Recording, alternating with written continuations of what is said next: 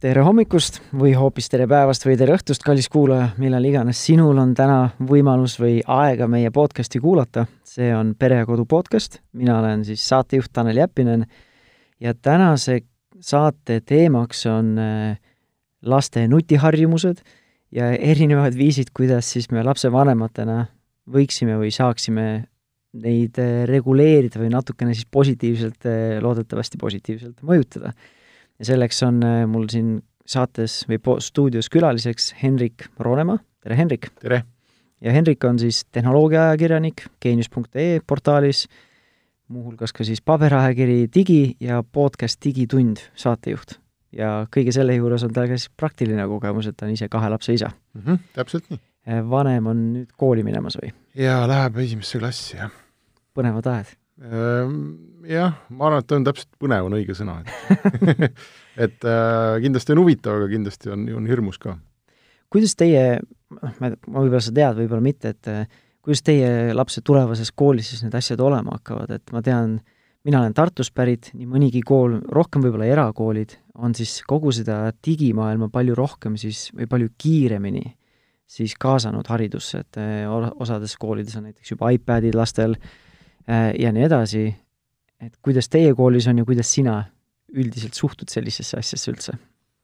ma ei tea täpselt, mis need reeglid nagu isiklike nutiseadmetega seal on, et äh, minu, kuskilt on kõrvu jäänud, et vähemasti algklassides äh, on need päeval keelatud. või siis ma ei tea, võib-olla on mingil vahetunnil lubatud või et ma seda ei ole väga nagu uurinud, aga aga ta läheb Gustav Adolfisse ja, ja nii palju, kui ma tean, siis see Gustav Adolf on äh, kogu aeg olnud nagu just sellise tehnoloogia haridusse kaasamisel hästi eesrinnas Eestis, et seal äh, on üks äh, väga tugev haridustehnoloog aastaid olnud, ma ei, ma loodan, et ikka töötab veel seal ja, ja siis, kui igasugused uued asjad tulevad, et kas need on, ma ei tea, 3D printerid või või mis iganes nagu tehnoloogia asjad, siis ähm,, siis seal on alati nagu väga kõvasti tegeletud sellega, et see kasutusele võtta. nii et ähm, ma loodan, et ta satub nagu tehnoloogilises mõttes heasse kohta ma tean, Tartus on ainult üks erakool on, kus äh, lastele antakse kooli poolt iPadid kaasa. No.. et siis see on, äh, paljud õpikud äh, on seal ja ma ei tea, kas, mis väiksematel lastel on, minu arust juba algkooli tasemel. ja ma oma nii-öelda varasemas karjääris nooremana, ma käisin USA-s siis ukselt uksele neid haridusliku sisuga raamatuid müümas. Ja siis seal oli ka väga noh, väga selline terav teema, mis paljusid, paljusid vanemaid lahutas nagu kahte leeri, oligi seesama, et kui osad koolid või nende laste kool siis äh, samamoodi andis need iPadid või julgustas sellist tehnoloogia kasutust just ekraanide poole pealt äh, väga varajases eas või kooli, varajases koolieas, siis see nagu lõigi vanemad kahte leeri, ühed ütlesid, et see on õige, sest kuidas muidu on ju, muidu jäävad maha ja siis saavad esirinnas olla ja nii edasi, ja siis teised, teisi vanemaid tegi see just väga-väga ettevaatlikuks, et äh, kuna seda ei ole piisavalt uuritud ja tegelikult on juba mingid uuringud, kes nagu on kahtluse alla pannud, et kas lapsed nii-öelda haaravad seda informatsiooni sama põhjalikult või süvitsi kui näiteks paberi pealt, me-, teistsuguse meediumi pealt või nii-öelda traditsioonilise meediumi kaudu, et siis äh, eks see vist tundub meie laste põlvkond ja võib-olla natukenegi varasemad, viis-kümme aastat nooremad lapsed, need tunduvad olevat sellised äh, ma ei tea, katsejääneste põlvkond et siis kunagi tulevikus saame selle kohta võib-olla põhjapanevamaid järeldusi teha. aga olles ise tehnoloogia ajakirjanik ja selles teemas igapäevaselt sees, milline üldine sinu seisukoht eh, selle ekraanide kaasatuse suhtes on just varajases hariduse nii-öelda faasis? See on hästi keeruline küsimus, on ju, et nagu, ma ei ootagi, et sa nüüd kuldse muna ütled, mis ei, no, nii on ja nii ära, et nii on ja siis ütleme nägemist ja oli niisugune hea lühike saade ja kõik sai selgeks, on ju. aga vaata, tegelikult ongi ju niimoodi, et et me ei ole vist siiamaani, on ju, tänaseks hetkeks, aastaks kaks tuhat kakskümmend, ei ole mm, üles kasvatanud ühtegi põlvkonda, kes oleks nagu otsast lõpuni selle tehnoloogiaga kasvanud, on ju, et äh, seal äh, noh, ütleme, Facebookide ja Instagramide ja, ja noh, kõik, kõige selle on ju tõus algas üldse vaevalt selline noh, ütleme viis pluss aastat tagasi.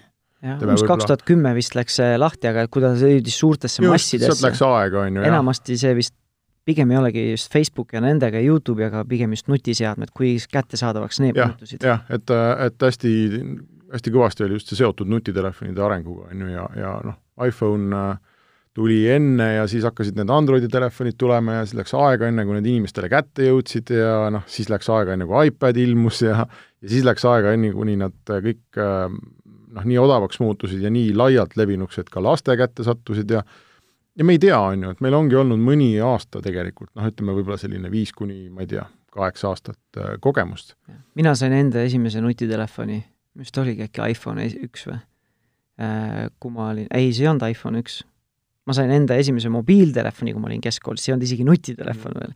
aga esimese nutitelefoni oligi kaks tuhat kaheksa või üheksa tänapäeval on äh, lasteaias mõnedel lastel nutitelefonid. nojah, aga see on noh, selles mõttes jah, et äh, et noh, kunagi tuli elekter ka niimoodi, eks ole. ei no jaa, aga ongi see, et see ma tavaline. ei saa ka selleks põlvkonnaks ennast pidada, et ma ei, ei ole üles muidugi. kasvanud Just sellest. ja no vaata, kui me räägime, et no meil on, ütleme, viis kuni kaheksa aastat on need asjad üldse olnud, see tähendab, et kõigepealt lapsed käivad ainuüksi koolis kaksteist aastat, on ju, ja siis lähevad ülikooli. see on selline noh, ütleme, võib-olla keskmiselt näiteks mingi neli-viis aastat, on ju, et noh, kes lõpetab seal bakalaureuse, kes magistriga, me oleme põhimõtteliselt, ütleme, selline viieteist-kuueteist aasta peal, siis nad lähevad tööturule ja, ja lähevad tööle, eks ole, ja hakkavad siis oma seda kogemust ja harjumuspäraseid selliseid töömetoodikaid juurutama äh, kollektiivides, aga, aga ka seal läheb tegelikult aega, enne kui nad saavad äh, noh, vastutavatele kohtadele, saavad ise hakata korraldama asju. ja, siis läheb veel aega, enne kui nad saavad ise lapsevanemateks, eks ole. ja see on, ütleme, see on selline aeg, kus ka sul endal nagu need sellised lapsepõlvest pärit igasugused väärtused, harjumused ja mingid varjatud asjad või noh, see, kuidas sa ise üles kasvasid, ju sa enam-vähem nii kasvatad ka teisi, on ju, et, et see hakkab alles siis mõjule pääsema. ja kui me nüüd tahame noh, tõesti mingit väga noh, põhjapanevat vastust, on ju, siis me põhimõtteliselt peame, ma arvan, kakskümmend, kakskümmend viis aastat ootama. ja siis me saame öelda, et vot, näed, et et see põlvkond tõesti oli selline või et, et noh, need nutiseadmed jätsid kas positiivse või negatiivse jälje, et praegu, praegu meil on nagu teatud osa sellest pildist, on ju, osa sellest on, osa sellest on nagu faktid, osa on läbi uuritud, aga, aga osa on ikkagi meie enda ka sellised arvamused, hirmud, eelarvamused, terve mõistus, haige mõistus, kõik on segamini, on ju. ja inimesed on üsna kehvad selles, et äh, kuidas ma ütlen, et ennustada tulevikku, mida nad pole näinud. meil on nagu, kui me, kui me hakkame ennustama tulevikku, noh, need on need vanad ütlused, et kui Henry Ford seal oma auto ehitamisega tegeles, eks ole, et siis ta noh, kui ta oleks inimeste käest küsinud või ta, ma ei mäleta, küsiski, aga igatahes see, see ütlus on, et inimesed oleks tahtnud kiiremaid hobuseid. ja, ja kui sa vaatad näiteks, kuidas inimesed ennustasid tulevikku sada, üle saja aasta tagasi, siis noh, sealt on pärit igasugused sellised ma ei tea, robot, juuksurid või humanoidrobotid, eks ole, metallist, kellel on käärid käes ja ja ma ei tea, lendavad autod, eks ole, ja noh, mingi selline, et meil on nagu võime ennustada tulevikku selle baasilt, mida me täna teame. Me võtame selle tänase maailma ja keerame siis sinna enda arvates sellise tuleviku vindi peale, tegelikult tulevik ei ole kunagi selline. et ähm, tegelikult tulevik koosneb asjadest, mida me ei oska täna, millest me ei oska isegi unistada, sest me ei ole äh,, me ei ole näinud seda ja vot nende nutiseadmetega on tegelikult samamoodi, et et me ennustame täna tulevikku millegi pealt, mida me ei ole näinud, õigemini, mida me oleme nüüd juba natuke näinud. ja see on erakordselt keeruline. See on väga enesekindlussüsti kõikidesse lapsevanematesse praegu, et et äh, olemegi nii-öelda teadmatu ja tundmatu, tundmatuse ees nagu. jah, muidugi. ja ma arvan, et see on noh, kui sa küsid, et mis minu seisukoht on ju, et siis minu seisukoht on rahulik mm,, aga, aga on täitsa aktsepteeritav, kui kellegi seisukoht on vähem rahulik või või kui kellegi seisukoht on palju rohkem rahulik, et see on ikkagi, ma arvan, kuna tulevik on tundmatu selles vallas, et siis ma arvan, see on iga inimese selline, ongi oma sisemiste selliste väärtuste ja ja noh, sisemise veendumuse nagu öö, ähm, otsustada, et, et kuidas ta oma, oma lapsi ja, ja kasvatab, eks ole, ja, ja milline see ma ei tea, kodune keskkond on ja mis ei ole lubatud ja mis ei ole lubatud, on ju. et noh, me teame, et et kui keegi kasvatab oma lapsi nii, et nad peavad igal hommikul kümnendalt korruselt alla hüppama, on ju, et noh, see on halb. me teame seda, see on fakt. aga nüüd selle kohta me ei tea ja see ei ole fakt. Nojah, kui keegi annab lapsele kõvasti rihma, siis see tänapäeval see on nagu taunitav ja noh, see ei ole isegi seadusega lubatud, on ju. aga, aga ikkagi ka endiselt on ju palju inimesi, kes eh, noh, ka, ka selle kohta leiavad, et eh, võib teha küll ja noh, vaata isegi selline asi ei ole veel aga juurdunud. juurdunud ei ole, aga selles mõttes, et meil on mingi tugistruktuur, meil on lastekaitseseadused, mis kaitsevad. nutiseadmetega tegelikult neid ei ole.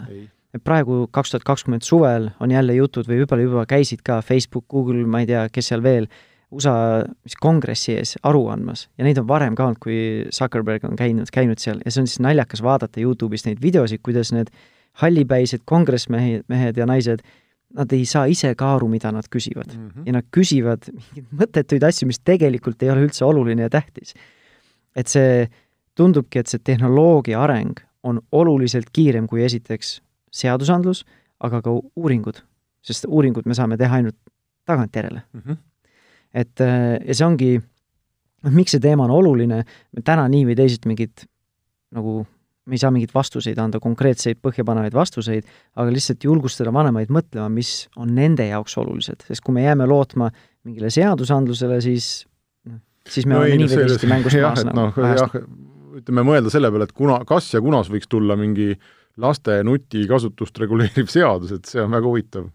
noh, noh, tänaseni on vist Euroopa Liidu, Liidus, et alla viieteist aasta ei saa sotsiaalmeedia, ei tohiks sotsiaalmeedia äh, no jaa, mine, mine ütle seda teha. mõnele lapsele, no USA-s on see vist kolmteist on see või oli kolmteist võib-olla Euroopa USA, Liidus USA-s on kolmteist, ma ei tea, kuidas Euroopa Liidus on, kas üks nendest on, on mm,, peaks olema. aga noh, USA-s hiilivad ka kõik sellest nagu rõõmsasti mööda, on ju, et see pigem on see lihtsalt selleks, et kui, kui mingi kohtuasi tuleb, et siis need suured firmad saavad käed püsti tõsta ja öelda, et aga meil on ju kirjas, et ei tohi ja või sa pidid panema sünniaasta. jah, just, ega noh, ega siis ei tule keegi nagu passi küsima su käest, on ju. aga, aga see, et nad seal kongressi ees käivad USA-s, et see ei ole ka üldse mitte uus asi, sest äh, ma ei mäleta nüüd peast, et kas see on ka näiteks äh, raamatute ja televisiooniga nii olnud, aga kindlasti oli see niimoodi äh, videomängudega. ja see oli juba, kui mu mälu ei peta, siis see võis olla kaheksakümnendate teises pooles või, või äkki oli üheksakümnendate väga alguses, kui äh, kui äh, hakkasid tulema mängukonsoolidele sellised esimesed äh, vägivaldsed mängud, kui graafika arenes nii heaks, et nende selliste kriipsujukkude ja kolmnurkade asemel, mis olid siis noh, imaginaarselt vägivaldsed võisid olla. 2D mängud sellised? jah, hakkasid, hakkasid nagu tekkima mängud nagu Mortal Combat ja noh, siis nagu verd lendas, on ju, et et siis, siis oli suured arutelud olid USA-s samamoodi, nagu praegu käib Zuckerberg aru andmas, käisid siis äh, tolleaegsed sellised miljardiäride juhid, Nintendo ja Sega ja kes nad olid seal. ehk mõnes mõttes on nagu huvitav, et et äh, ja see põlvkond on ju, kes tollal siis neid videomänge mängis, kes ise lapsed olid sel ajal, kelle eest siis nagu prooviti hoolitseda. et see põlvkond on nüüd parasjagu, ma arvan, selles eas, et neil on endal lapsed, on ju, ja nad ise muretsevad siis ekraani mõjude pärast äh, lastele. ma, ma arvan, et nad, no Eestis oli keerulisem sellega tol ajal, aga aga läänes kindlasti nad mängisid äh, kõik Mortal Combatit ja ei saanud ära aru, et mida need vanainimesed jauravad, et miks on vaja lastelt Mortal Combat ära võtta, et noh, see mäng on mulle ka tuttav lapsepõlvest. No. see käib, noh, mulle ka, on ju, et see käib nagu ringi, et see selline äh, küsimus ja mure no uus tehnoloogia ja sellega kaasneb selline mõistatuslikkus või see uudsus või ongi see teadmatus on nii või teisiti, see on nagu arusaadav mm. -hmm. ja kui sa ütlesid, et et ei tea, kas oli raadio ja televisiooni kohta, siis see äh, Nirje Jaal tehnoloogia ajakirjanik või ka konsultant, ähm, kelle eesti, eesti keelde on ka tema viimane raamat Segamatu kirjutatud sel samal teemal, siis tema seal räägib täpselt sellest, et äh, to-, tõi näiteid, kuidas siis äh, kiruti, et äh, raadio teeb noored, kui raadio nii-öelda oli, tegi oma võidukäiku, et raadio teeb noored lolliks, ja siis televisioon, tema, televisioon pidi midagi tegema ja nii edasi, kuni lõpuks tagasi selleni, et see kirjapilt kui kiri ja raamat muutus äh, populaarseks ja kõigile kättesaadavaks, mitte ainult haritlastele munkadele mm, -hmm. et siis see pidi ka üle koormama inimese ajud ja tegema nad depressiivseks ja agressiivseteks ja psühhopaatideks mm. -hmm. et iga uus tehnoloogia on kaasa toonud sellise ma ei tea, ärevuse, mis eks me siis ise peamegi teadlikult mõtlema, kus on see ärevus nagu veel nii-öelda konstruktiivne ja kasulik meile, kus ta muutub nii-öelda negatiivseks ja mõttetuks hirmu külvamiseks mm. -hmm. ja ma ei, ma tegelikult ka ei taha äh,, ma ei, ma ei tahtnud öelda, on ju, et see selline muretsemine on, noh, ma ei tahtnud seda naeruvääristada või öelda, et see on nagu vale ja halb ähm,. Et kindlasti on, on vaja neid küsimusi ju küsida, on ju. ja, ja noh, lisaks lapsevanematel on, ongi olemas ju reaalsed küsimused, ma ei tea, et kas see Äh, kas ja kuidas äh, see mõjutab näiteks inimeste noh, füsioloogilist, ma ei tea, aju arengut näiteks. me, me teame, et et teadlased, arstid on selle küsimusega tegelenud ja, ja, ja jõudnud ka igasugustele järeldusele, et, et üldiselt torkabki silma, et neid järeldusi on, andmeid on nii vähe, et järeldusi on võimalik teha ühtepidi ja teistpidi ja noh, lõpuks ongi see enam-vähem nagu mingi Šveitsi vitamiiniinstituut või et noh, et kord on kohv kasulik ja siis ta on jälle kahjulik ja ja ma loodan, et need, mida aeg edasi on, et seda rohkem me saame reaalseid uuringuid ja reaalseid andmeid ja kvaliteetseid uuringuid ja, ja kvaliteetseid andmeid. et me saame nendele küsimustele vastata ja need küsimused on kindlasti, kindlasti nagu olemas. nii, täna ütleme, selline põhiline järeldus, mida ei ole võimalik ümber lükata, äh, mis ka teadustöödest on välja tulnud, aga iseenesest on hästi selline tervemõistuslik järeldus, on see, et kindlasti on küsimus nii-öelda alternatiivkulus või probleem. ehk äh, iga tund, mis äh, sa istud mõne ekraani ees, on tund, mil sa ei tegele jooksmise, hüppamise, sõprade kallistamise, maailma avastamise, ma ei tea, millega iganes, on ju, kas või lugemisega. ehk et äh, noh, seal ei ole midagi vaielda. ja, ja noh, selline igasugune ühekülgsus äh, mõjub, ma arvan, inimesele halvasti, igal juhul on ju, et isegi kui see, et kas see ühekülgsus koosneb äh, nüüd ekraanidest või ta koosneb raamatutest või ma ei tea, Steve Jobs sõi vist aasta aega ainult õunu noh, et oli selline faas inimesel, et äh, noh, ka, ka see mõjub kindlasti halvasti inimesele. et, äh, et see, ma ise katsun nagu seda silmas pidada nii enda kui, kui oma laste puhul, et kui, kui need nutiteemad üles kerkivad, et minu pärast noh, mängigu mingeid mänge. ja see ei tähenda, et nad et need mängud peavad väga verised olema seitsmeaastasele mhm. mm. -hmm. või minu, minu pärast vaadaku multikat, on ju, aga et noh, mingil hetkel tuleb see öelda, et ei, et nüüd aitab, nüüd me oleme juba olnud ja nüüd tehakse midagi muud. ma arvan, et see ongi, et kuida-, mida me selle tehnoloogiaga teeme, et tehnoloogia ise ei ole kurjast, vaid ku-, kuidas me sellega ringi käime või kui palju me seda tarbime, kuidas me seda kasutame ja nii edasi. et selle kohta ma olen ka uuringuid lugenud, kuidas vaadatakse, et kui laps vaatab näiteks mingit multikat, üksinda nagu juurvili seal diivani peal mm või kui ta vaatab lapsevanemaga, nad korraks vahepeal nii-öelda nagu loovad mingeid seoseid mm -hmm. ja mingit kontakti, et siis aju tasemel on näha, et see tegevus ja aktiivsus on oluliselt suurem, et mm -hmm. oskab mõtestada neid asju. et see ongi, et vahe, vahe, võib-olla ei olegi probleem multika vaatamises, aga see, et kui ma lihtsalt nii-öelda delegeerin lapse kasvatamisega mingile mm -hmm. muule tehnoloogiale, on ju. et see ongi, et, et mida me seal teeme ja kui mida ja kui palju me laseme oma lapsel seal siis teha. jaa, ma olen nõus, aga mulle tundub, et kui vaadates ka oma lapsi, et me kipume mõnikord ära unustama, et nemad tahavad ka puhata noh, sa ise tuled pärast mingit pikka tööpäeva, ütled, oh, ma olen nii läbi, et ma ei, ma ei viitsi mitte, ma ei saa mitte midagi, midagi aru, on ju, et tahad, paned mingi mõttetu filmi ja noh, lihtsalt ma ei tea, aju puhkab, on ju. et äh, ma võin sulle tulla öelda, on ju, et Tanel, et kuule, et noh, mis sa vahid sellest telekast, et võta, et siin on nagu paks romaan ja hakka lugema. mine trenni no.. mine trenni või hakka lugema või mine sõpradega välja, noh, ja sa ilmselt tahaks mulle kallale karata, sellepärast et saad aru, ma olen väsinud, ma ei jaksa. ja kui me vaatame noh, kas või lapse, lasteaialapsi või kindlasti koolilapsi, et Neil on ikkagi pikad päevad, on ju, ja ega nad seal lasteaias ka te telekat ei vahi, et, et seal ikkagi ju tehakse midagi, seal on, õpitakse, see on suhtlus, äh, see on müra, see on võõras keskkond, see väsitab, lapsel on ka õigus puhkusele ja see ei pea koosnema noh, sellest, mida meie arvame, et äh, puhkus on see, kui sa ennast veel rohkem harid, las, las puhkab mõnikord. Mm. -hmm. ei nõus, ma ei ütlegi, et äh, kõik ekraan on halb, halb ekraaniaeg, sest paratamatult meie lapsed vaatavad ka aeg-ajalt multikaid, noh. Mm -hmm et äh, pigem ongi see, et äh, ise teadlikult vähemalt suhtuda sellesse lapsevanemana, et proovida mõtestada ja võib-olla ongi, võib-olla me ei ole isegi kodus läbi rääkinud oma partneriga, et mis meie jaoks on okei okay ja miks, et omavahel täiskasvanute vahel juba läbi rääkida ja siis vaadata, kuhu me sellega jõuame, kas me peame mingeid äh, rituaale, rutiine või mhm. reegleid mm paika panema või piire paika panema, mis meie väärtustele ja ma ei tea, hinnangule äh, toetudes võiks olla kõige parem meie lastele et äh, ma arvan, et see on juba esimene samm, et tõesti teadlikult suhtuda, näed, kui tõesti laps tuleb koolist või kuskilt, las ta vaatab see pool tundi, las ta vaatab see tund aega, kui see on teie jaoks okei. Okay.. aga no ongi jälle, kui see on juba kuus tundi õhtul, on ju, võib-olla siis ta nagu ei ole enam okei. Okay.. aga no näiteks kui äh, noh, see on ka alati on selline küsitav, et noh, ma ei, mõnedes asjades ma nagu pooldan selliseid kindlaid reegleid, aga teistpidi noh, päevad on erinevad, on ju. ja, ja võib-olla mõnel päeval see võib olla kolm tundi, mingil X põhjusel, ma ei tea, sa oled haige. sa, sa ei jaksa temaga tegeleda. või, või noh, sul on põhimõtteliselt valida, et kas sa oled äh, närviline ja pahane oma lapse peale, sest sa ei jaksa ja sa oled väsinud ja sul on mingi mure, või ta vaatab see kolm tundi multikaid näiteks, ma ei tea, kord aastas, noh, vaadaku siis.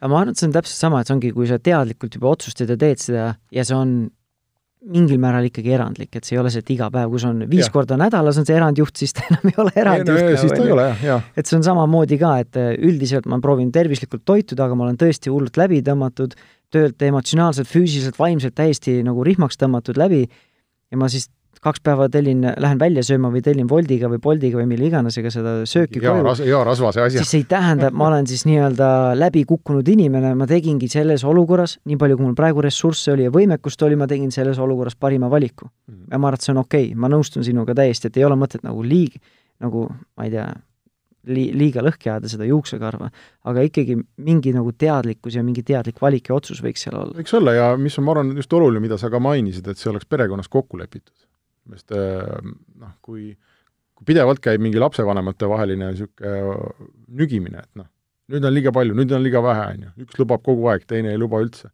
see on ka natuke nagu kehva. Ja see on tegelikult raske, meie perekonnas on ka raske tegelikult seda tasakaalu leida, aga, aga kui see kokku lepitakse, siis ähm, noh, siis lähevad asjad kõigi jaoks lihtsamaks. Ja see erandkordades ka, et ongi mõnikord ongi see, et on nagu päev ongi nagu, eriti suve, suvel, kui kõik lapsed on tavaliselt kodus, on ju, sa oled päev otsa kogu aeg koos või nii-öelda kogu see vaba aeg, sa oled lastega koos, tahad iseendale ka aega, siis mõnikord ongi see, et minge vaadake multikat, ma tahan praegu emmega kahekesi koos aega veeta mm, -hmm. ma lihtsalt tahan rääkida täiskasvanu mhm. vestlust mm -hmm. ilma selleta, et keegi iga kahe minuti tagant mul kuskil püksi, püksi sääre küljes ripub, et kuule, mul on seda vaja või tema tegi seda, on ju. Mhm.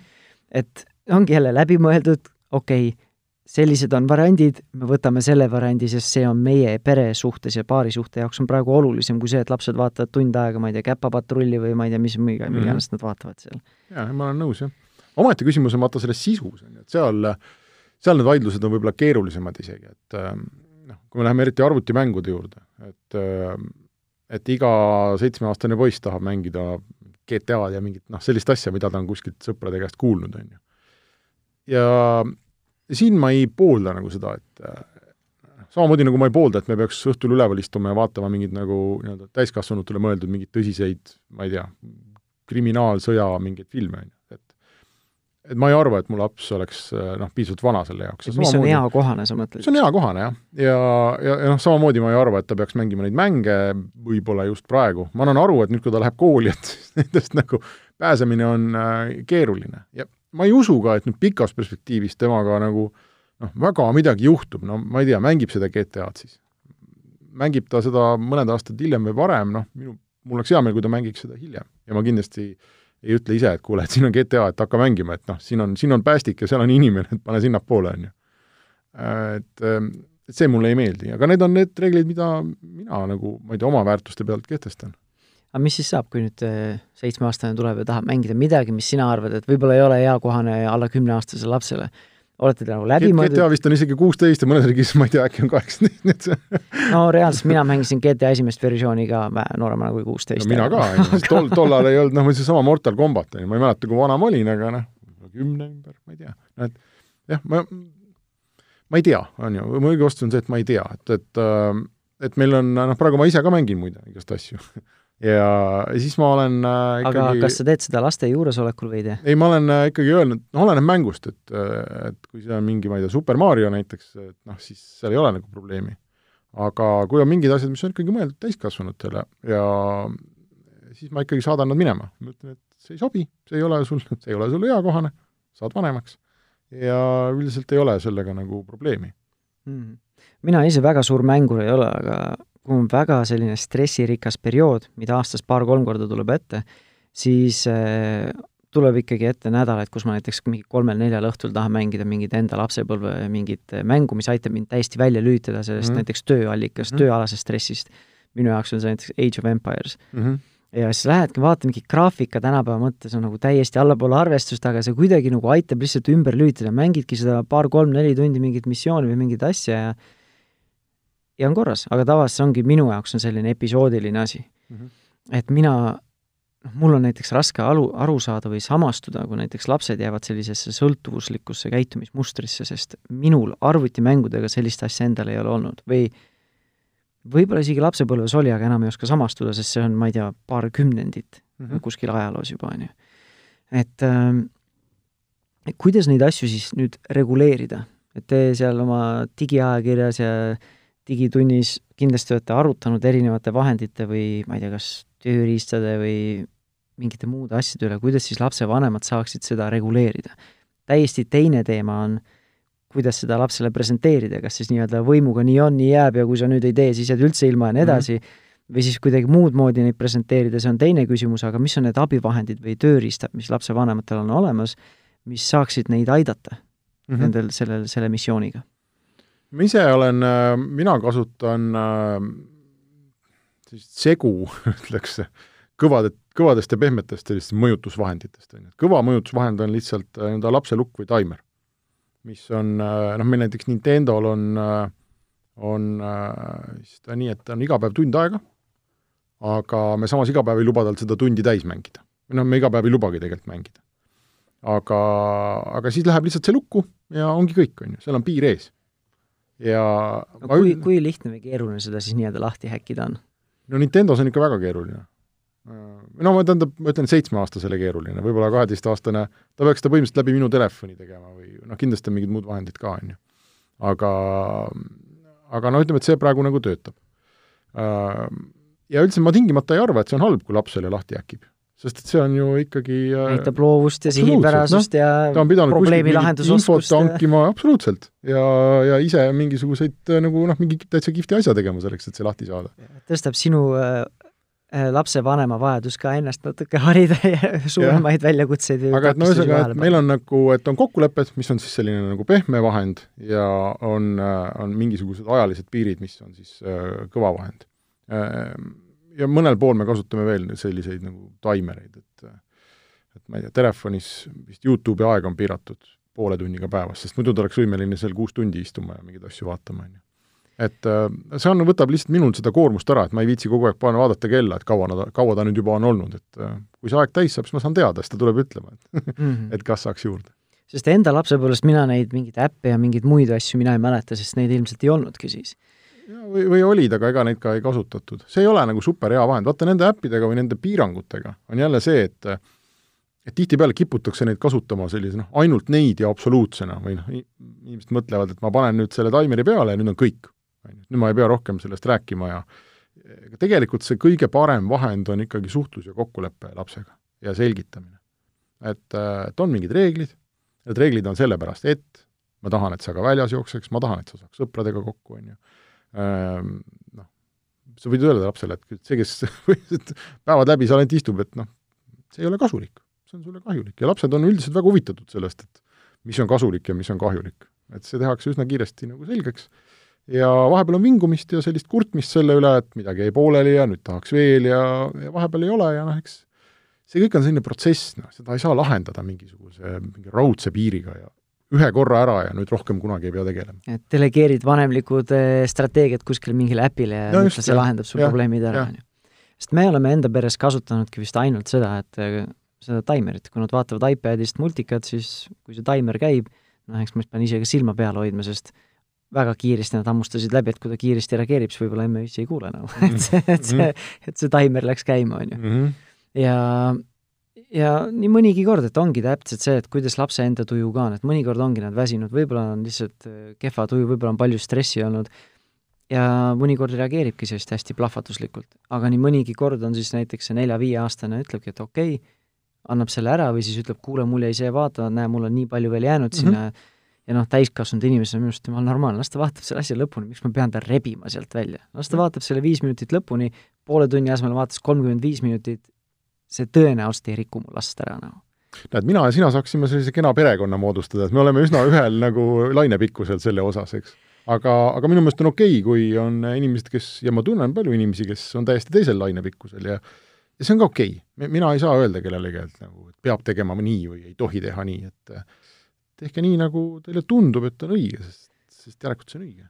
ja no ma ei ma ei proovigi suhtuda oma lastesse kui täiskasvanutesse, sest nad ei ole täiskasvanud selle koha pealt, et nad ei saa ise otsuseid vastu võtta mingites asjades, mille, mida nad ei suuda hoomata. et ma ei saa samamoodi nagu noh, ma ei anna lapsele otsustada, äh, mida ta sööb. no söökski ainult kommi ja jäätist võib-olla, on ju. ja siis võib-olla nii-öelda vahepeal selleks äh, vahelduseks sööksid midagi asjalikku, on ju, või tervislikku, on ju et siis ma saan ise mingid reeglid paika panna, aga ma annan mingites reeglites või piirides talle mingi vabaduse, on ju, see on minu see. aga samamoodi ka see, et et ma püüan tasse ikkagi inimlikult suhtuda. kui tal jäi see multika lõpus see kolm-neli-viis minutit vaatamata, siis las ta vaatab lõpuni, sest see on see, kuidas ma tahan minuga käitutaks mm. -hmm. või näiteks, kui ma olen kuskil koolitustel käinud oma see vanemlusteemaga, siis hea näide, üks näide, mis ma toon, on see, et kui mina enamasti töötan kodus ja meil, kui meil oma kodu oli enne, kui me matkasuvilasse kolisime, siis oli, kodukontor oli teises, teisel korrusel ja lapsed ja naine tavaliselt olid, elasid allkorrusel siis päevasel ajal, on ju. ja kui ma nüüd naine tegi õhtusöögi või lõunasöögi valmis ja saatis mulle sõnumi või hõikas, kuule, Tanel, lõunasöök on valmis. ja nüüd, kui ma kirjutasin talle vastu, et ma tulen viie minuti pärast, kui ma lõpetan selle emaili ära, mis mul pooleli oli. ja nüüd, kui ma viie minuti pärast alla lähen, siis mind ootab seal hull fuuria all, et kuidas sa küll jõud-, julgesid viis minutit hiljem tulla, söök oli viis minutit tagasi juba valmis. mine nüüd oma tuppa, karistuseks sa ei saa süüa, noh. jaa, et ongi, sa kunagi ei hinda, mida ma teen, sa alati tuled hilja, mina orjan ja teen kõike seda ja siis lõpuks ongi see, et see tundub nagu no see ei tundu mõnus nagu mm. -hmm. et siis ma ei tea, kui laps tahab see viis minutit lõpuni vaadata, siis vaatame ja kui ma tean, et tal on raske välja tulla, siis ma vaatan selle viis minutit seal temaga koos võib-olla lõpuni mm. -hmm. ja siis paneme koos selle asja kinni ja ta teab, et läheb kinni see asi mm. -hmm. ja ongi kõik, et noh. aga vaata, siin on veel üks asi, mis, millest me ei ole nagu rääkinud, on ju, et et hästi mõnus on, mõnus ja lihtne mingis mõttes on nagu laste pärast muretseda aga, aga kui palju me enda käitumist jälgime, on ju, ja kui palju me ise sellega eeskuju anname. et laps ikkagi õpib läbi eeskuju palju paremini kui läbi jutu. Ja, ja ma arvan, et äh, siin on küll väga-väga-väga paljudel lapsevanematel nagu tõsine, üldse täiskasvanud inimestel, väga tõsine selline mõttekoht, mis ma ise teen, on ju, et ähm, kas ma vahin tele, äh, telefoni tund aega enne magama minekut või, või ei vaata, ma tean, et see on mulle kahjulik, on ju.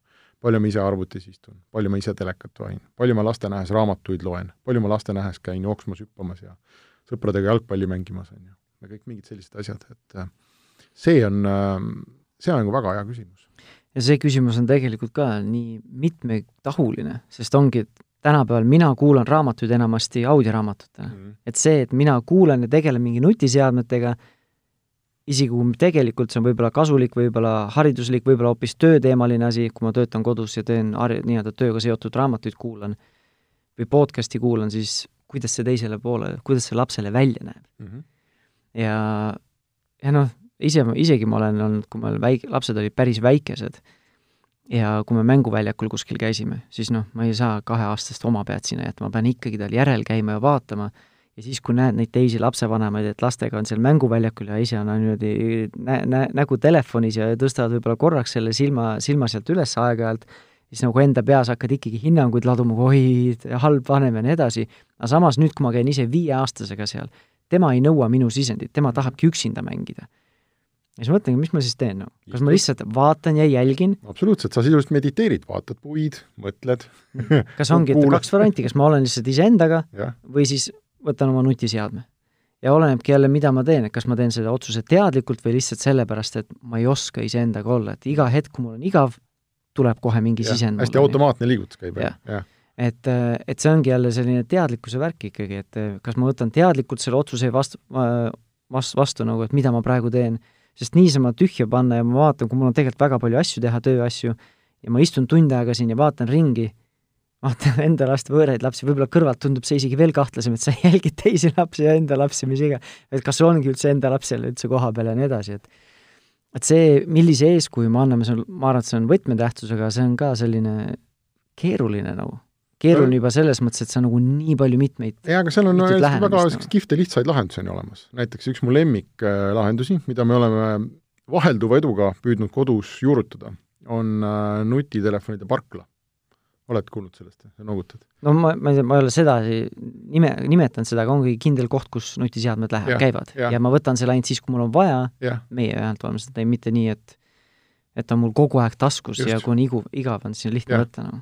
Et äh, parim lahendus oligi, oli, äh, mida ma nägin kuskilt, enam kahjuks ei mäleta, kes see oli, ja kui mõni kuulaja on, kes viitsib meile niisuguse asja käsitööna teha, oleks jube kihvt, et oligi ähm, ukse kõlva, ukse kõrval rippus seina peal selline äh, nagu taskutega asi, kus on noh, ikka mingi võtmed sees ja iga inimese välisukse kõrval on mingi selline asi, kuhu pannakse asjad, on ju. Ja, ja oligi nutitelefonide parklad, seal olid konkreetselt nagu sellised valgete joontega nagu parkimiskohad olid tehtud nutitelefonile et ja ma ei mäleta, et võib-olla oli kaubanduskeskus ka seal kuskil lähedal, on ju, et paned sinna parklasse ära ja see on parkla. ja see on välisukse kõrval ja edasi on selline reegel, et kes kodus olles tahab või peab midagi tegema, läheb, seisab sinna ukse kõrvale, võtab parklast oma telefoni, teeb seal selle asja ära, paneb tagasi ja siis tuleb teiste juurde. et see selline, kuna see sõltuvus on ka osaliselt füüsiline suurel inimesel sellest telefonist, just seesama liigutus, on ju. ma ei tea, mina saad mingi pääst-, mingi emotsiooni igav, jah, jah, see on see vana dopamiini teema, on ju, et äh, aga et kuna see sõltuvus on ka füüsiline, siis see lahendus peaks olema ka füüsiline. ehk et sa panedki ta füüsiliselt kaugele endast. ja, ja on nagu sellised füüsilised reeglid. see on jube kihvt mõte jah, no sellega on juba see, et kui sa pead sinna minema, pikka maad, võib-olla pead veel teisele korrusele minema ja nii edasi, siis on nagu, sul on päris palju aega ümber mõelda vahepeal, et kuule, kas see on tegelikult see, mida ma, ma tahtsin viitsi, teha nagu. ja vaata, see võtab sellise automaatse, selle nagu mõtlematu. et see on mul tavaliselt, kui ma ise käin kuskil esinemas, et siis kui ma sellest teemast räägin, et siis ma küsin inimeste käest, et ähm, öelge mulle üks asi, mida te eile sotsiaalmeediast lugesite. seda valdavalt on saalis vaikus sest see on täpselt see, et, et sa loed, aga sa tegelikult ei töötle seda läbi, on ju. sa tegelikult ei, sul ei jää meelde, et see on mingi selline vool, mis lihtsalt tuleb. ja enamus sellest järelikult on mõttetu. mis sa loed sellest asjast, kui sa kakskümmend neli tundi hiljem vaatad suurte tühjade silmadega, ma tõesti ei mäleta. ühtegi asja ei mäleta. noh, võib-olla siis ei pea. aga noh, see on teooria, ega ma ise eksin ka selle vastu. ja see on minu arust, kas oli see üks Rootsi Rootsi psühholoog Anders Hansen ähm,, Tugev aju autor. ja selliste nutiseadmete kohta tegi ka uuem raamat, mida ma ei ole veel lugenud, aga seal Tugev aju raamatus ta räägib ka, et kui see inimese evolutsioon panna kahekümne nelja tunni ajavööndi, ajajoonele, et siis see nutiajastu algas kakskümmend kolm, viiskümmend üheksa ja viiskümmend üheksa sekundit ja mingi ma ei tea, mitu kümnendikku, et mõni kümnend sekundit kogu selle inimese aju ja inimese evolutsioonis mm. -hmm. et see võib-olla ongi see, et me lihtsalt ei ole harjunud nii-öelda noh, et see info ei jõuagi kuskile sügavamasse kihtidesse, et ongi hästi pealiskaudne see info nii-öelda tarbimine, eriti kui ma lihtsalt ongi mõtlemata lihtsalt pöialt lihtsalt lasen seal telefoni peal üles, mhm. on ju. Versus see, et kui ma lähen kuskile poodi ja kui keegi küsib, kuule, kas sa kedagi tuttavat nägid, kui sa nägid, sa nagu tead ju, et sa nägid, see ei ole kuidagi, mul läks meelest ära, kas ma nägin kedagi tuttavat ja, või mis sa ütles äkki, äkki rääkisid juttu ja kuulsid midagi huvitavat, on ju, et see jääb meelde, et sa seda protsessi vaatad kellegi tweet'i või Instagrami postitust nagu, ma ei mäletagi enam, mis ta ütles no.. jah, aga noh, samas see noh, meie see info tarbimise viis on tegelikult muutunud, on ju, et ma, ma ei ole ka valmis ütlema, et see on üdini paha, et ma, ma arvan, et me lihtsalt äh, oleme kuidagi mänginud ennast täna sellesse olukorda, et meie nagu info, info tarbimise viis on selline, nagu ta on, et me töötleme läbi meeletus koguses infot iga päev. ma mõni, ma ükskord mõtlesin selle üle, et äh, mitu tweet'i, Facebooki sissekannet, pealkirja e, emaili, noh, ja ma ei tea, Instagrami pilti ma päevas läbi vaatan. ühikuliselt, mitu tükki neid on? ja see number tuli mega, see, ma ei mäleta enam peast, aga see oli kindlasti sadades või võib-olla oli tuhat või rohkem. ehk et kuskil taustal, on ju, ilma et ma ise registreeriks, olen ma ajus läbi protsessinud tuhat mingit sellist situatsiooni, tuhat mingit ühikut. ja kogu, igaühe puhul ma olen lahterdanud, kas ma tegelen sellega või ei tegele. on ju, kas see on oluline ja mitte isegi teadlikult, alateadlikul tasemel, nagu kogu aeg protsess käib. jah, ja ei kujuta ette, et noh, ma, ma tõesti, ma ei ole kuidagi nagu äh, meditsiiniliselt ma ei saa ennast tundjaks ega asjatundjaks lugeda, võib-olla mõni inimene, kes kuulab seda saadet, tahaks kirjutada, aga minu loogika ütleb, see peab jätma inimesele mingi jälje, see peab kuidagi väsitama. seesama minu arust eh, Anders Hansen kirjutas oma raamatus ka, et eh, tänapäeval nüüd mis iganes, kaks tuhat seitseteist, kuusteist või seitseteist, kaheksateist, mis iganes, kuna see tema raamat välja tuli, et siis eh, tänapäeva lääne inimene protsessib eh, informatsiooni sama palju, vist oli ühe päevaga, kui kaks või kolm põlvkonda tagasi mm -hmm. eluaja jooksul mm. -hmm. kui ei olnud telekat, ei olnud raadiot ja, ja see on ainult kaks-kolm põlvkonda, noh. aga võib-olla nad siis protsessisid midagi muud, on ju, võib-olla nad vaatasid, et noh, lind lendab madalalt, on vihma oodata et asjad, mida me, me tänapäeval isegi ei näe enam, et lind lendab, on ju. aga selle kohta minu arust on uuringuid tehtud just selle info haldamise koha pealt, et kui mul on füüsiline raamat, kui ma saan ruumiliselt kuidagi alateadlikult paigutada selle informatsiooni, see oli, näed, selle lõigu, selle lõigu alguses on ju, või selle lehekülje esimeses lõigus, versus see, kui ma loon blo-, blogipostitus, mis on näiteks viis lehekülge pikk ja lihtsalt scroll in, et siis seda raamatus on, mälu on parem, kui ma raamatust olen seda lugenud. jah, ja, ja seda, sellest on erinevad autorid päris pikalt kirjutanud ja see on, see on kahtlemata nagu tõsi, on ju, et see saja neljakümne tähemärgi haaval noh, info ammutamine, et see ei ole mõistlik, aga jällegi see on nagu selline kiirtoit, on ju. ma arvan, et see, me leiame millalgi selle tasakaalu. ma olen, ma olen mõnikord äh, mõelnud ja ka niimoodi huvitavalt avalikkuses nagu mõttena õhku visanud, et et mis te arvate, et kui meil näiteks Eestis oleks iga saja meetri tagant äh, tasuta kiirtoidurestoran, tasuta, kõik on tasuta. see on iga saja meetri tagant. ja sa võid seal käia, kui sa tahad. et mis, et mis, milline oleks nagu ühiskondlik olukord siis, mida, kuidas inimesed käituksid? kui paljud käiksid, sööksid seal iga päev friikartuleid ja hamburgerit tasuta ja kui paljud käiksid poes ja ostaksid endale tervislikumat toitu? ja ma isegi ei, julge seda väga kaugele edasi mõelda. aga see ei olegi fantaasiamaailm ju. ei no aga, noh, internetis on sisuliselt niimoodi. ei no jaa, aga seesama näide, mis sa tõid, on äh, Ameerikas olemas ju. Ma töö, elasin aga need asjad ei ole tasuta vist seal? jah, aga ta on odavam no, kui tervislik toit. ta on väga palju odavam, on ju. ja me, me teame, mis selle tulemus on. et ma elasin ühes neljateist tuhandelises linnas üks suvi ja ma lugesin läbi see peatänav, mis sealt läbi läks, seal oli ma ei tea, seitseteist, neliteist tuhat äh, elanikku, palju, mis see Eestis, ma ei tea, Elva äkki või? ei, Elva on väiksem kindlasti, ma arvan, et see on äh,, isegi Rakvere on väiksem. no igatahes äh, seal no, oli seitseteist kiirtoidurestorani selle peatänaval. seitseteist mm. -hmm. Et see on, ma ei tea, ikka palju on küll, jah. per capita nagu päris palju no, nagu. aga ühesõnaga, ma arvan, et me leiame mingi sellise tasakaalu lõpuks, ma olen ikkagi tegelikult nagu optimist, on ju, et me, et me mingil hetkel vaatame, et ei tea, et kas nüüd siis kogu see periood oli vajalik või palju me sellest head saime, palju, palju halba. aga ma arvan, et see algabki sellest, et püüda ise nagu mõtestada oma tegevust ja nagu, mis me alguses rääkisime ka, et mõtestada ja läbi mõelda kodus, mis on see, mis meie peame õigeks enda kodus oma lastele mm. -hmm. Sest kui me lähme lihtsalt selle mingi kas peavooluga või mis iganes vooluga lähme kaasa lihtsalt mõtlemata, sest reaalsus on see, et tehnoloogiaettevõtetel on oma agenda, nemad peavad oma aktsionäride huve täitma mm. -hmm tema ei hoolitse sellest, mis minu vaimne tervis teeb või mis minu laste vaimne tervis teeb kümne aasta pärast. et ma ise peaksin nagu läbi mõtlema ja mitte, võib-olla ongi vahepeal selle pea sealt vee pealt, vee peale tõstma ja et vaadata, kas ma üldse ujun õiges suunas mm. -hmm. ja siis sealt proovida mingeid otsused teha ja vahepeal neid võib-olla muutma, sest vahepeal tuleb uusi mingeid suundasid, mingid teaduse, mingid leiud tulevad sealt välja, mis ikkagi on parem või ei ole parem lihtsalt hoida nii-öelda kätt pigem nagu pulsi peal sel teemal. jaa, sest äh, see, see on jah niimoodi, et kui sa jätad selle otsuse äh, tehnoloogia teha, on ju, siis sa oled, siis sa oled kadunud. et kui see, see otsus, et palju ma seda, kogu seda värki tarbin, on ju, ja kuidas, siis äh, see, seal on väga palju väga tarku ja häid inimesi, kes iga päev kümnete tuhandete kaupa töötavad selle nimel, et sa vaataksid just nende kraami kauem. on ju, nii Facebooki, Instagrami, videomänge, teleseriaale. mis sa arvad, see on, see ei ole, on ju juhus, et iga teleseriaali osa lõpeb mingisuguse õudse konksuga nagu, et sa sinna otsa jääksid no,. et see kõik, see kõik on ju selge, on ju, see tegelikult ei ole see mingisugune nõiakunst ja, ja, ja lihtsalt nõiakunst on mõnes mõttes see, et sa pead ise ütlema, on ju, mingil hetkel ei, mina valitsen, mina otsustan, mida mina oma ajaga teen. ja see on jube keeruline. ma tean, see on raske isegi, sest see järgmine mõnus asi on ühe kliki kaugusel. jah, ja no tegelikult ega need tehnoloogiaettevõtted ei ole ka nagu saatanad selles mõttes, et ei saa minna kuskile äärmusse ja nüüd eh, ma ei tea, vandenõuteooriat tekitada, et nad kõik tahavad meid, ma ei tea, kelleks teha, juurviljaks. nagu sa ütlesid, nemad võistlevad tähelepanu eest. Youtube ja Facebook võistleb omavahel, siis vana, vanakooli tehnoloogia võitleb oma osa eest, et nemad, nemad veel välja ei sureks ja nii edasi, et kõik võitlevad ellujäämise eest teisel tasandil lihtsalt.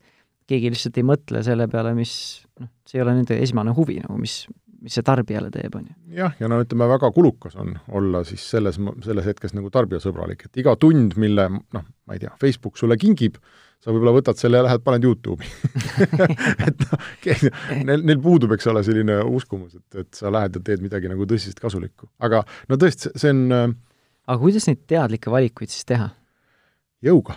täiskasvanuna veel, ma saan iseendaga teha pakte ja kokkuleppeid, on ju ma saan kokku leppida, et näed, ma panen selle telefoni sinna. ma saan ise selle teadliku otsuse teha, aga ma saan igapäevaselt teha ka selliseid otsuseid, aga no laps ei mõtle seda ise välja, kuule, teeme selle parkla nüüd.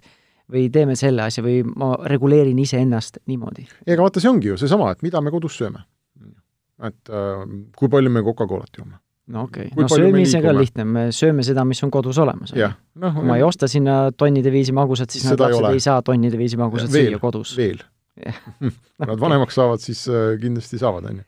aga ma, minu arust me oleme nüüd hästi pikalt sellest täiskasvanu maailmast rääkinud, on ju, aga, aga noh, minu arvates on see väga oluline nurgakivi, et sul on enda jaoks need küsimused noh, kuidagigi natukene läbimõeldud. ma ei taha öelda paigas, sest neid on hiiglama raske paika saada.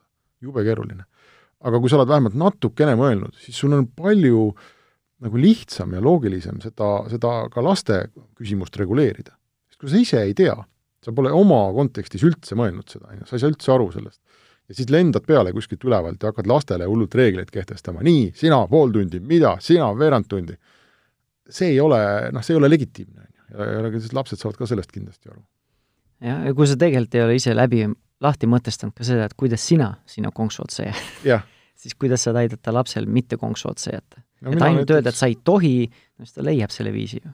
jah, et ta ei saa aru, on ju, sellest lõpuks võib-olla, et miks, miks ei tohi. no mina näiteks oma telefonil ähm, esimese asjana alati keeran kõik äh, märguanded kinni.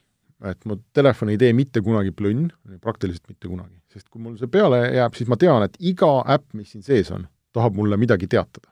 on ju, ja mitte sel hetkel, kui mina tahan, vaid sel hetkel, kui nemad tahavad. ja tema ei küsi, et oo, Hendrik, et kas sa äkki loed praegu raamatut, äkki teed praegu tööd, äkki sa mängid praegu lastega, on ju. tal on täiesti suva. ta teeb lihtsalt plönn ja need tuleb kinni keerata. kuni selleni välja, et emaili teadaanded. et mul juba ainuke asi, millest mu telefon üldse praktiliselt teavitab, on, on heli, on see, kui keegi helistab on äh, SMS-id ähm, ja rohkem häälega ei ole mitte midagi. no heli, heli on kõige selline nagu, mis see eesti keeles on, disruptive inglise keeles? kõige rohkem nii-öelda segav, segav selline asi. sest ongi, kui ma isegi ei näe seda telefoni, ta on taskus kuskil mujal, ma kuulen. mul on samamoodi heli ja sõnumid. ülejäänud on vist, kui üldse on, siis ainult see punane mullikene kuskil. no vot, mul on ka, et äh, mõned teadaanned on vaiksed, et kui Messengeris keegi midagi ütleb. aga näiteks emailid ma olen üldse maha korjanud, sellepärast et äh, et ei tule seda mullikest ka? ei tule mitte midagi. mina tahan ise otsustada, kunas ma nendega tegelen, kunas ma neid loen. võib-olla tark otsus, sest vahepeal näed seda, kaksteist on seal punase mulli sees, et see ka Jah. kibeleb, isegi kui ma praegu ei vaata, siis ma näiteks teen lastele süüa ja mõtlen, huvitav. isi-, teadlikult ei mõtle, aga ikkagi tulevad jälle need mõtted, siis äkki midagi vabaks. olulist, midagi Just, sellist, noh. ja tegelikult ma paar aastat tagasi juba tegin selle, on ju. ja tegelikult mul oli täpselt sama mure. aga mis siis, kui ma magan maha selle, et keegi tahab mulle miljon dollarit anda ja mul on ainult viis minutit aega re re reageerida, on ju. Et kas ma ikka saan? no see ei ole teadlik mõte, aga alateadvus nagu reageerib no, no, samasugusena. hirm on, eks ole, et aga äkki noh, kuidas ma nüüd nii teen, et ma jään ju välja sellest kuidagi, sellest ringist. tegelikult, tegelikult ei juhtu mitte midagi. Mit-, peaaegu mitte kellegi elus. kui sa oled ma ei tea, kapo peadirektor, et võib-olla sa pead nagu kogu aeg teadma, et is-, aga noh, isegi tema vajab puhkust, aga meie tavaliste inimeste eludes, kas ma loen seda meili nüüd, tunni aja pärast, viie tunni pärast või hommikul, kui tööpäev algab, on ju, keegi, mitte keegi, kes saadab mulle e-kirja, ei saa eeldada, vähemasti Eestis, ma ei tea, võib-olla Ameerika töökultuur on teine, ei saa eeldada, et ma olen nagu orav valmis kohe, pumm, hüppan, jah, yes sir, on ju, jätan kõik sinna paika, hakkan vastama mingile meilile. ei, ma tahan seda teha siis, kui mul on selle jaoks ette nähtud aeg. Mhm. seesama autor Nir Real ütlebki, et äh, kui sa, et sa saad treenida oma nii-öelda töökaaslasi ja partnerit ka, et ongi, et kui sa ei vasta kohe, siis kui sa Mhm. nägid kohe, sa vastad hiljem. Mm -hmm. et siis sa nagu treenidki sellega, et noh, et äh, email ongi selleks, et ei ole, see ei ole akuutne või hästi kiireloomuline asi. jah, aga samas chatid ka, et noh, isiklikud chatid on, on üks asi ja paljudel on ju tänapäeval, eriti nüüd pärast seda kevadet, on mingid meeletud tööchatid, on ju, ma ei tea, Slackid ja Teamsid mm -hmm. ja kõik, mingid asjad, mis seal on. ja, ja nendest peab ka oskama ennast välja lülitada, on ju. tööaeg, noh, sulgudes kaugtööaeg, on üks asi. Teine asi on siis see, et, et mingil hetkel peaks need kinni panema, on ju, mingil hetkel sa peaks ütlema, et ei, nüüd ma olen puhkuserežiimil ja katsuda olla sada protsenti. jälle jube raske, ma ei pea mm. nagu loengut, et te kõik peate olema. aga see on nagu noh, vähemasti on mingi normaalne asi, kuhu poole püüelda. Ja tänapäeval tegelikult, kuna see teema on ikkagi võrdlemisi aktuaalne, viimase kümne-viieteist aasta jooksul on see muutunud aktuaalseks, siis tegelikult seda informatsiooni on, et seesama segamatu on nii reaal ja seesama minu arust Anders Hansen on ka nutimaailmas, ma nägin kas Apollos või kuskil Rahvaraamatus nägin, et tema uus raamat on ka sel teemal. oskad sa veel mingeid ressursse soovitada, kus siis nagu võib-olla siis natukene sõeluda neid ideid, mida teha ja mida, millele mõelda tead, ega ma ei oska, see Segamatu oli selles mõttes päris, vähemasti ma, mul on mingi mälestus, et pool sellest oli päris hea raamat, et ma ei mäleta, miks mulle, kumb pool mulle ei meeldinud. mina miks. kuulasin seda inglise keeles, et ma eestikeelset ei ole lugenud. okei okay,, no need Ameerika raamatutega on natuke nii, et seal noh, tihtipeale sa võid avastada, et see on tegelikult üks päris hea artikkel, mis miskipärast on nagu puhutud õhku täis ja ta on raamatupikkune. oleks saanud veerand vähemalt. oleks saanud selle pointi nagu, eestlaslikult selle pointi nagu ära öelda võib-olla kahe lausega, et noh, inimene vahutab seal, aga aga ma ei mäleta, kas see, see oli täitsa okei okay, nagu lugemine. ja kindlasti neid raamatuid on veel, mul nüüd hetkel kohe ei, ei tule meelde, aga aga noh, ega neid ei olegi vaja nagu lõpmatuseni läbi töötada, et eestlane on ikka selline talupoja mõistust me hoiame au sees ja noh, see, et et kui keegi istub kaheksa tundi teleka ees või sööb kaheksa tundi õunu või minu pärast kas või nagu jookseb kaheksa tundi järjest ümber staadioni, et noh, siis ausalt öeldes on see koht, kus me peaks küsima, et kas see on ikka päris okei okay,, et äkki tund aega on normaalne ja ülejäänud seitse sa võiks midagi muud teha minu mm. meelest on see üsna selline terve mõistusega paljuski lahendatav nagu asi. jah, väga vahva, no meil on kohe viiskümmend minutit on räägitud ja me, ma ei ole kumbagi märganud, et ma oleks telefoni haaranud ja vaadanud, et ja. saime tund aega nii-öelda seda digivaba, noh, ma ei tea, kas päris digivaba ma olen su ekraani näinud seal sinu selja taga laineid jooksmas. seal ei ole midagi väga huvitavat, jah. aga räägi siis täpselt, eh, mis te teete ja pakute siis geenius.ee portaaliga, oma paberajakirja digiga ja siis Digitund äh, selle podcast'iga? no eks me jah, teemegi sedasama asja, et me ühest küljest on ju seal palju tehnoloogia uudiseid ähm, sellest, et mida uut on välja tulnud, aga aga mulle tõesti tundub, et mida nagu päev edasi, et seda olulisemaks muutuvad inimestele need küsimused, et noh, et okei okay,, mul on see telefon, on ju, mul on see mängukonsool, mul on see mäng, aga et äh, noh, mõtestada nagu seda, et mis see, kuidas ta mõjutab mind või kuidas ta mõjutab äh, ühiskonda näiteks, kuidas ta mõjutab suhteid minu ja teiste inimeste vahel, on ju, et mis on nagu hea ja mis, mis ei ole nii hea ja kuidas nagu, just et kuidas seda tehnoloogiat nagu valitseda, ma arvan, et see, katsume nagu sellele tähelepanu pöörata. väga vahva, nii et kui viitsi raamatupoodi minna, siis äh, kuula Digitund podcasti või veebiraadiot ja geenius.ee portaal samamoodi mm. -hmm. vahva suur aitäh sulle, Henrik! aitäh kutsumast! ja aitäh sulle ka, kallis kuulaja, et sa võtsid aega, et tänast eh, podcasti kuulata, kui see läks sulle korda, siis kindlasti vaata ka meie nii-öelda varasemate podcastide arhiivi, mida õige pea on juba sada täis, sa leiad need kas Delfi või Pere ja Kodu veebiväljaannetest, Spotify'st või siis oma nutitelefoni eh, podcasti rakendusest. ja kui sa juba oled suur podcasti kuulaja, siis siis vaata ka Digitunni podcasti, võid vaadata ka minu sooloprojekti Rahumeelse vanemuse podcasti. aga aitäh veel kord ja järgmise korrani, tšau! thank you